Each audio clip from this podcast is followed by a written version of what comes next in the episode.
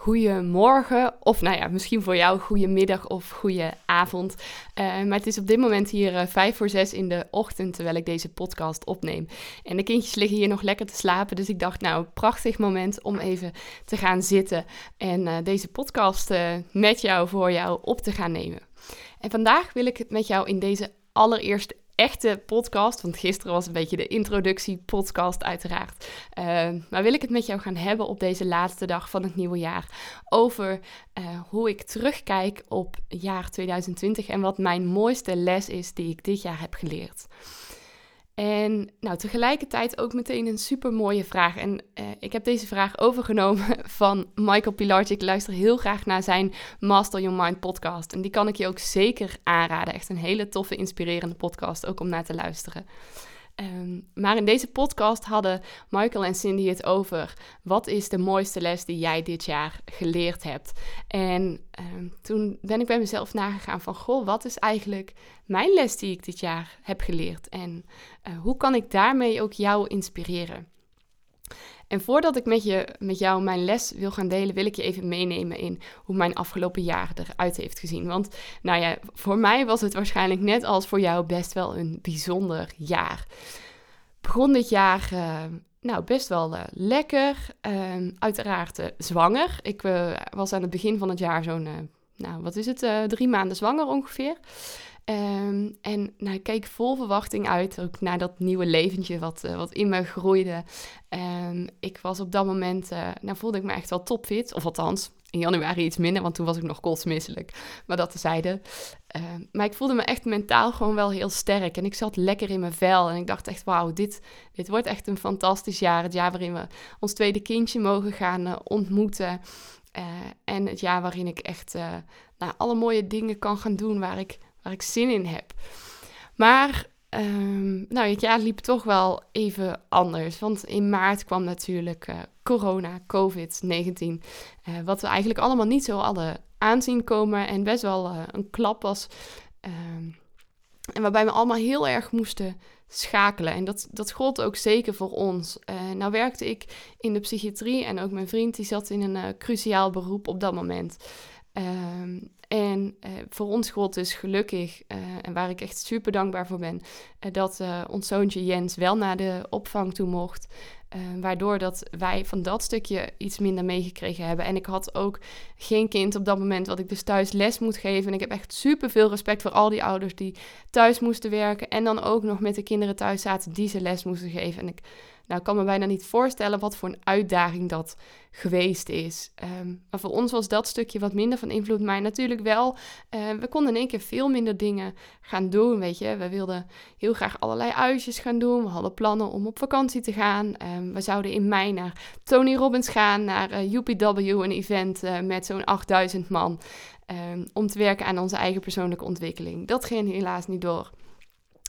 En hadden dus best ook wel wat, wat tegenslagen. Eh, maar ja, in het begin waren we nog best wel heel erg gefrustreerd en ook boos over die hele situatie. En, en dat er dus eigenlijk niks meer kon. En waren we ook echt zo van, ja, maar wat moeten we dan in hemelsnaam nu nog gaan doen, weet je?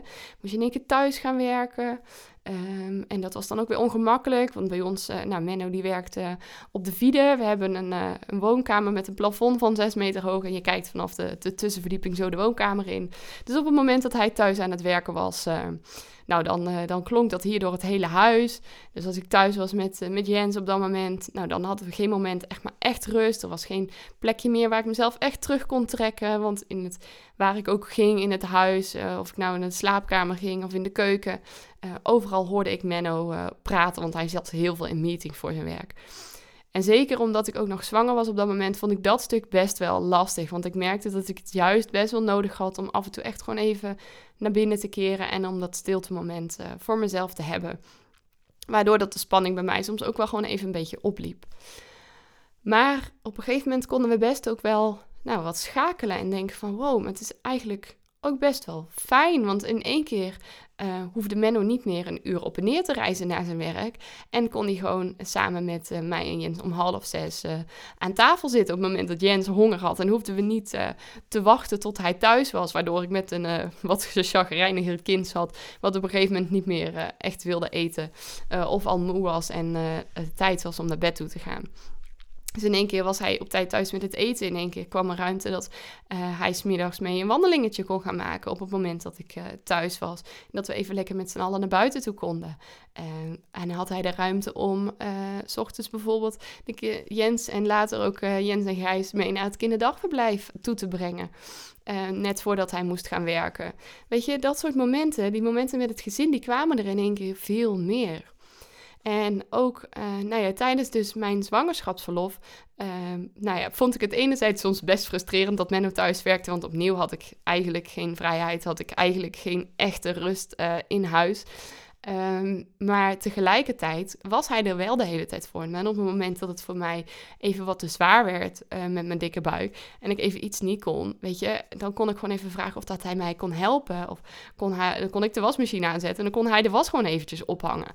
En dat was echt wel, nou, echt heel erg fijn. Um, en nou ja, toen uiteindelijk uh, midden in de zomer, die uh, hittegolf, voor mij echt verschrikkelijk. Ik heb echt een scheidhekel aan, uh, aan warmte. En nou had ik ook nog eens zo'n zo'n dikke toeter die ik de hele dag met me meezulde. En beschoot Gijs, nou ik zou bijna willen zeggen tot overmaat van ramp, ook nog eens om die hele hittegolf lekker nog in mijn buik te blijven zitten. Waarmee ik uiteindelijk tien dagen over tijd ging. en ik echt helemaal klaar ermee was met die zwangerschap. Maar um, nou, uiteindelijk dus na de hittegolf bevallen ben. En um, nou, dankzij dat er nu vaderschapsverlof is van zes weken, uh, waarvan 70% betaald voor vijf weken, had men ook de ruimte om er echt even met ons vieren samen te zijn en om ons ook echt even te ondersteunen. En dat vond ik echt echt heel erg waardevol. En omdat het corona was, had ik niet wat ik met Jens wel had en wat ik heel vervelend vond.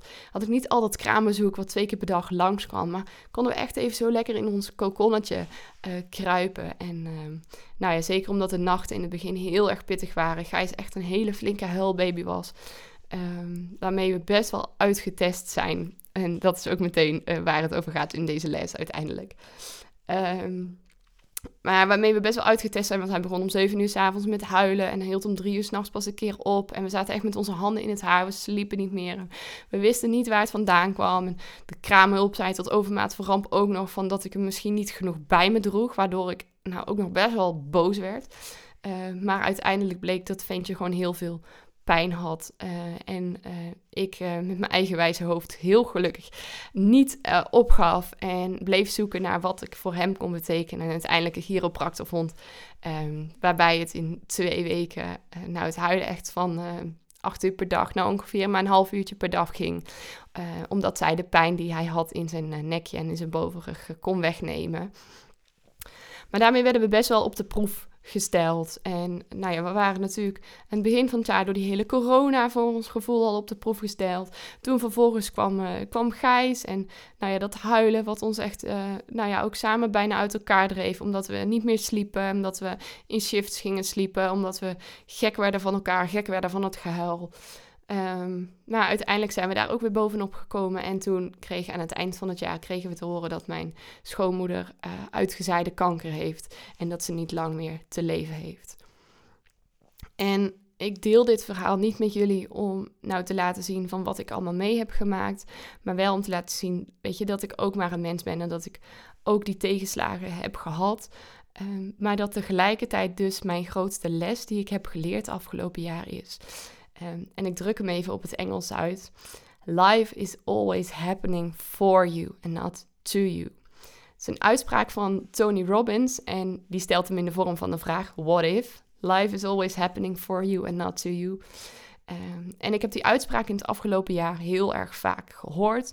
Ook omdat ik vaak een priming exercise van hem doe, waarin hij deze zin uh, steeds herhaalt. En dat zinnetje, uh, dat zit echt de laatste weken, maanden heel sterk in mijn hoofd. Want ik geloof uh, echt wel heel erg dat het leven voor jou werkt en niet tegen jou. Dat al die tegenslagen die op je pad komen, ehm, dat het niet zomaar tegenslagen zijn, maar dat die er zijn voor jou als een kans om van te leren, als een kans om te kijken hoe je dingen anders kan gaan doen. En ik geloof dan ook echt heel erg dat al die tegenslagen, en laat ik beginnen dan uh, met corona aan het begin van het jaar, dat dat dus een, een kans was om wat meer uh, bij onszelf stil te gaan staan. En in mijn geval een kans was om wat meer naar buiten toe te gaan, om te genieten van de natuur, om te genieten van de kleine momentjes uh, samen met ons gezinnetje.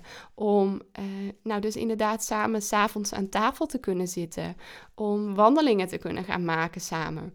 En dat die ruimte er in één keer veel meer was. En dat dat gehuil van Gijs, waar ik in het begin zo enorm gek van werd, dat dat een soort van test was om te kijken van nou, wat ik op dit moment aankom. Want nou, ik had natuurlijk na de geboorte van Jens die depressie gehad, waarvan ik ook inmiddels denk dat het uh, een enorm teken was aan mij om te laten zien uh, dat ik mijn leven echt anders moest gaan inrichten, omdat ik anders niet overeind zou blijven staan. En dat ik echt op, op zoek mocht naar, naar wie ik nou eigenlijk was, wat ik nou eigenlijk nodig had, en wat mijn behoeften nou eigenlijk waren en welke overtuiging ik had uh, te overwinnen welke angst ik had te overwinnen.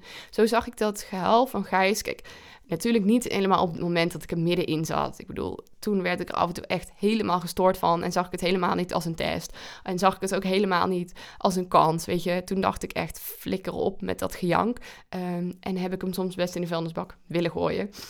Um, gelukkig nooit gedaan. Um, maar nu achteraf denk ik echt van wow, weet je, dat was echt weer zo'n test om te laten zien van waar, hoe stevig sta je nu in je schoenen na die hele depressie. Want je zegt wel dat je er bovenop bent, maar ga eens even kijken of dat, dat inderdaad echt zo is. En ik zie het dan ook echt als dat ik geslaagd ben voor die test. Dat ik dus uh, echt ook heel trots mag zijn op mezelf. Dat ik de afgelopen jaren zo erg gegroeid ben. Dat ik Ehm, dat gewoon aankon en dat ik hulp in durfde te schakelen. Dat ik even aan vrienden durfde te vragen van... Goh, zou jij even op Gijs willen passen? Zodat ik echt even kan bijslapen. Uh, dat we hulp in durfden te schakelen. Dat mijn moeder en mijn schoonouders hier bijvoorbeeld de nacht zijn wezen slapen. Um, en dat zij dan de hele nacht voor Gijs gezorgd hebben. Zodat Menno en ik allebei echt even een nacht bij konden tanken. Iets wat ik bij Jens nooit heb gedaan. Want ja, hulpvragen vond ik echt een zwakte. En nu dacht ik juist, nee, ja, hulpvragen dat is sterk. Dat is heel krachtig. Want juist omdat ik hulp vraag, weet je, kan ik het wel aan. En kan ik er ook zijn voor Jens en niet alleen voor Gijs. En kan ik daar ook van genieten. En, en zag ik het ook echt als een test in dat ik dus ook heel erg weer opnieuw die ruimte voor mezelf mocht gaan nemen en uit mocht gaan spreken wat mijn behoeften waren en wat ik nodig had. Um, en ben ik ook echt super trots op dat me dat ook gelukt is om te doen. En dat ik niet, uh, zoals toen destijds bij Jens, in mijn schulp ben gekropen en niks meer heb gedeeld over wat er in me omging. Uh, waardoor dat de frustraties en de, het verdriet en zo en de angst alleen maar opliepen. Juist nu ben ik de hele tijd blijven bespreken met iedereen die er ook naar vroeg. Heb ik heel eerlijk gezegd wat er speelde, wat er aan de hand was, uh, wat, hoe ik me daaronder voelde. Uh, waardoor dat er ook veel meer compassie was uh, met mij, met de situatie. En uh, waardoor dat ik um, dus ook echt even durfde te zijn en ook gewoon eerlijk durfde te zijn over hoe dat het op dat moment was. Waardoor ik uh, niet die opstapeling aan emoties heb gehad. En uiteindelijk uh, dus ben blijven staan en gewoon ben blijven zoeken van... oké, wat gaat ons helpen? Wat heb ik nodig om hier door te komen? En dat bleek... Jens wordt op de achtergrond wakker. Dus als je wat geroepen hoort, dan, uh, dan is het daarvan. Maar ik ga gewoon even nog verder. Um, um, want Menno die, die regelt dat wel. Uh, maar wat ik wilde zeggen is, ik heb dus heel erg geleerd om me uit te spreken en om hulp te durven vragen en om echt voor mezelf te durven staan en eerlijk te durven zijn, open te durven zijn en kwetsbaar ook te durven zijn. En ik zag dat van ja, Gijs echt dat gehuil als van, wow, weet je, ik heb dit gewoon uh, aangekund en uh, moet je kijken hoe erg ik gegroeid ben. En nu dan onlangs uh, dat we helaas die diagnose van mijn schoonmoeder uh, te horen hebben gekregen, waar we ook best wel echt wel even van slag van waren.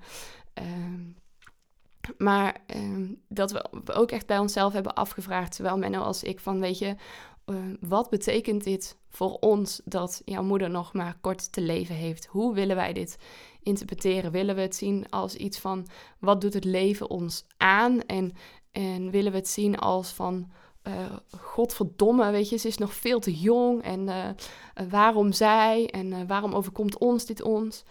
En nou weet je, dat we echt bij de pakken neer zouden gaan zitten? Of kiezen wij ervoor dat het inderdaad echt best wel shit is. En, en dat het inderdaad echt best wel kloot is en heel verdrietig is. Maar dat wij het zien als, wow, weet je, dit kan er dus gebeuren. Zelfs als je nog relatief best jong bent, dan, dan kan dit dus gewoon gebeuren. En wow, uh, willen wij dat eigenlijk wel? En zouden wij niet ook beter naar, uh, voor onszelf moeten zorgen? Zouden wij niet veel meer ook op onze gezondheid mogen letten? Uh, want als wij dit niet willen, ja, dan moeten we wel iets veranderen in ons eetpatroon. Uh, dan moeten we gezonder gaan eten. En dus hebben wij ervoor gekozen om, om die weg in te slaan. En zijn wij veel gezonder gaan eten. Veel meer groenten gaan eten. Veel minder vlees, kaas, melk, etc. Veel minder suiker gaan eten. Uh, waardoor we ons ook veel beter voelen. En ook echt geloven dat op het moment dat we dat, uh, die weg in blijven slaan. Op dat moment dat we dat door blijven zetten. dat het ons dan gewoon niet gaat overkomen. Want hé, hey, ik wil niet als ik oud ben. mijn kleinkinderen niet op kunnen zien groeien. En we zagen het ook echt als teken zo van, wow, weet je, uh, je hebt echt best maar kort te leven. Dus ga dan ook het maximale eruit halen. Ga doen waar je gelukkig van wordt. En je weet niet hoe lang je nog te leven hebt. Um, dus ga ook niet, niet wachten totdat je oud bent en denkt van, oh shit, weet je, uh, eigenlijk had ik dit en dit nog willen doen. Maar ga die dingen doen die je nog wilt beleven. Of als je een andere baan wilt, weet je, ga dat dan doen. Want um, nou, wie weet hoe lang je dat nog kan gaan doen. Als je nog op vakantie wil gaan, dan ga dat dan doen. Dus kies ook echt voor het leven. En ja, dat neemt niet weg dat de situatie natuurlijk nog steeds heel triest is. En dat we er dus ook voor hebben gekozen om gewoon het maximale aan herinneringen te gaan beleven in deze tijd. Uh, en niet alleen maar verdrietig te zijn. Maar dat we dus ook echt hebben gekeken van, nou, wat betekent dit voor ons? En hoe kunnen wij dit zien als, als nou ja, niet zozeer een kant, maar wel als een, een teken, een signaal uh, in wat wij aan ons leven aan te passen hebben. En mijn les voor dit jaar is dus ook dat je alles wat er op jouw pad komt, eh, in dit geval alles wat er op mijn pad komt, echt kan zien als iets, oké, maar wat, wat heb ik hiermee te doen? Um, wat als dit nou een, een kans is of een teken is om um, eens even naar mezelf te kijken en te kijken naar wat ik anders kan doen of wat ik te veranderen heb of um, wat ik kan blijven doen, bijvoorbeeld in mijn geval met het uh, uitspreken van mijn emoties en het vragen van hulp. Dus dat is mijn mooiste les die ik dit jaar uh, geleerd heb. En ik hoop van harte dat dit jou ook geïnspireerd heeft om eens te kijken naar jezelf en naar jouw afgelopen jaar. Wat jouw mooiste les is geweest en uh, hoe jij het afgelopen jaar hebt beleefd en welke uh, boodschap jij meeneemt vanuit dit jaar um, in wat je volgend jaar hetzelfde of misschien juist wel heel erg anders wilt gaan doen. En ik zou het dan ook super tof vinden als je dit met me zou willen delen. Um, door bijvoorbeeld een review te schrijven op iTunes of op Google. Of mij even een uh, DM te sturen naar de.resetter op Instagram. Uh, en uh, ja, ik vind het echt super leuk om met jou te connecten en van jou te horen wat jouw mooiste les is geweest dit jaar in 2020. Ik wens je alvast een hele fijne en mooie jaarwisseling. En uh, ondanks dat dit jaar uh, waarschijnlijk niet heel veel vuurwerk uh, afgestoken wordt en je niet met een mega grote club samen mag komen, dat je toch um, in ieder geval zelf of samen met één of twee andere mensen um, even stil mag staan en mag vieren dat er weer een nieuw jaar aan gaat komen. Een jaar vol kansen en mogelijkheden om jouw droomleven te gaan leven. Tot volgend jaar.